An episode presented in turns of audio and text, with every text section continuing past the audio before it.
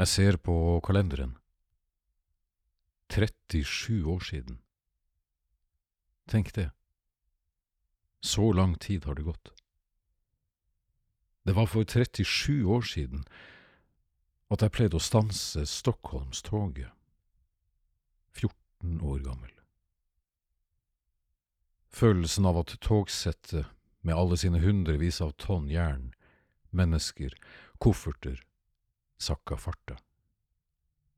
Lukten av kreosot langs linjene. Kreosot brukte man til å smøre inn treverket på banen. Det var torsdager at det skjedde. Torsdagene var lang dag på Rosenborg ungdomsskole i Trondheim, og etter at det hadde ringt ut fra siste time, var skolebussen oppover til Meråker gått. Derfor pleide jeg å sette meg på Stockholmstoget, som gikk fra spor tre på Trondheim stasjon på ettermiddagen. Toget hadde stoppesteder langs Trondheimsfjordens østside, langs Stjørdalselvas meandersvinger, opp Kopperå, før det kryssa grensen ved Storlien på svenskegrensa. Og jeg hørte hjemme på en gård midt mellom to stasjoner rett før svenskegrensa, og fra hver av stasjonene var det en knapp halv mil å gå hjem men hundre meter fra gården var det et nedlagt togstopp. Egentlig var det bare et skur med le for regn og snø. Der hadde NSB og svenske SJ hatt stoppested på 60-tallet, ble det sagt i bygda. Det var den gangen da odelsjentene gikk på landbruksskolen og steg av hver fredag med sjal og blomstrete skjørtekant. Og melkespann skulle opp til siste stopp ved svenskegrensa, og ble lempa opp i godsvognene. Ja, det ble det sagt i bygda. Men så fant odelsjentene andre veier, folk ved grensestreken hadde andre ting å bestille enn melkespann, og NSBs rutetabeller var oppe til styrebehandling. Og summen av dette falt ikke alltid heldig ut for togstasjoner utenfor allfarvei, ja, det ble det sagt i bygda. Men stasjonsskuret sto der fortsatt.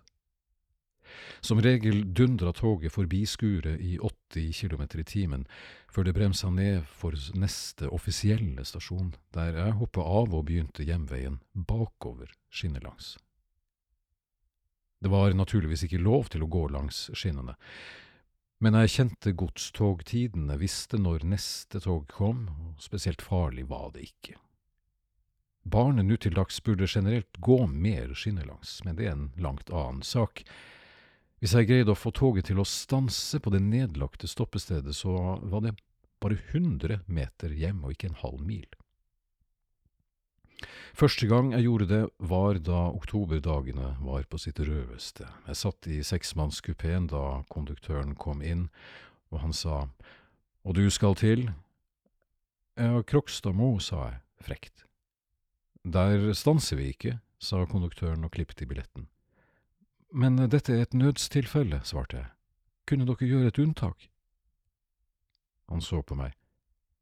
Det skrek i en overgang, toget dundra over et jorde der et klokkesignal på grønt forsvant bak togsettet med dopplereffekt.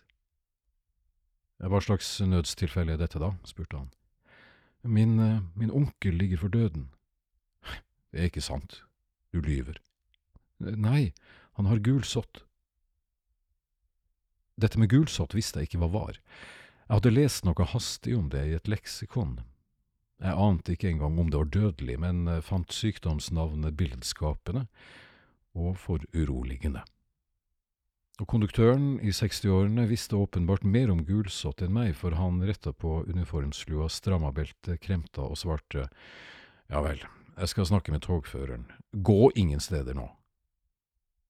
Hvor han frykta at jeg skulle gå, sa han intet om, han trakk dobbeltdøren for med et smell og forsvant. Toget fortsatte sin ferd langs elvebredden. Lokomotivet kom til syne, mens det prustende og hylende toget svingte langs en skarp kurve, et diesellukk av typen DI3. Fire brunsvarte, glinsende hester beita over et jorde der Canada Yes flaksa prøvende mot syd. Dette var altså i oktober, og dette var på den tida da Canada gjest trakk sydover. Jeg pakka opp siste del av matpakken, to skiver med brunost innslått i matpapir, fuktig etter en hel skoledag innestengt i den matte aluminiumsboksen. Jeg tygget langsomt, og jeg ble sittende i tanker om hun derre i åttende. Hun hadde bryster. Ingunn, var det det hun het? Ja, Ingunn. Det var et fantastisk syn, og jeg ble andpusten av det. På den tida hadde gutter og jenter separat gym. Hun hadde fast plass på jentelaget i volleyball på skolen, og jeg fikk et kort glimt av henne hver onsdag gjennom sperregjerdene mot jentegymmen. Hun slo server med flat hånd og greide alltid å sette laget over nettet ut av spill med perfekt nedslag på streken.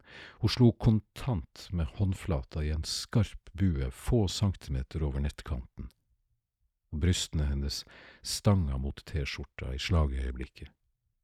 Det hele varte bare noen få sekunder, men for meg var det nok. Jeg så alt. Alt.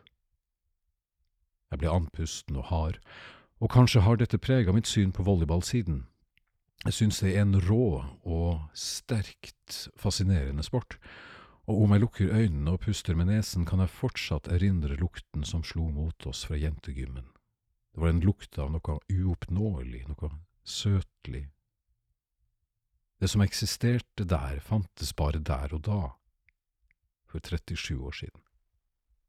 Forelskelsen, brystene og luktene. Alt dette fantes bare innenfor en smal sektor av livet. Og slik skal det jo være. Togsettet retta seg opp, men bare for et øyeblikk, kom inn i en ny vinkel, krenget over mot venstre. Lokomotivet DI3 med sine ufattelige 1775 hestekrefter og tjenestevekt på 102 tonn tok tak i rekken av vognene og gjorde seg klar til stigningen opp mot Gudå. Og deretter, som ved et under, toget sakka farta. Det kom et langtrukkent hyl fra togfløyta, og så togføreren over høyttalerne som sa Kort stopp Krokstadmo. Ikke mer enn det. Men jeg forsto øyeblikkelig at det var meg det gjaldt. Meg og min løgn om en onkel jeg ikke hadde, med gulsott i min frie fantasi. Ja, kom det av nå, sa konduktøren. Lokomotivet hadde skrekket i bremsene, Døra på venstre side hadde åpna seg. Jeg steg ut av togkupeen på Krokstadmo stasjon, den da og nå nedlagte. Togsettet på mange tusen tonn jern og gods og mennesker stansa for min imaginære onkel med gulsott. Det var berusende. Det steg en kvalmende lukt av kreosot opp fra svillene. Jeg skulle ønske at Ingunn hadde sett det. Jeg hadde stansa et helt tog. Men jeg forstår i dag at ikke engang 1775 ville hestekrefter kan virke imponerende på en ung kvinne som slår server kontant ned og har bryster. Jeg drev det meget langt den høsten. Jeg fant på historier om tanter med skjør buk, brødre med pukkelrygg, stadig nye konduktører på Stockholmstoget gikk på løgnene mine og fikk togfører til å stanse på Krokstadmo stasjon.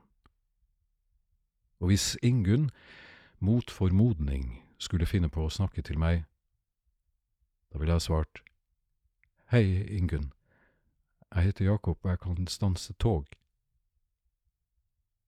Men Ingunn og jeg kom aldri på talefot uansett hvilke storslagne bedrifter jeg fant på.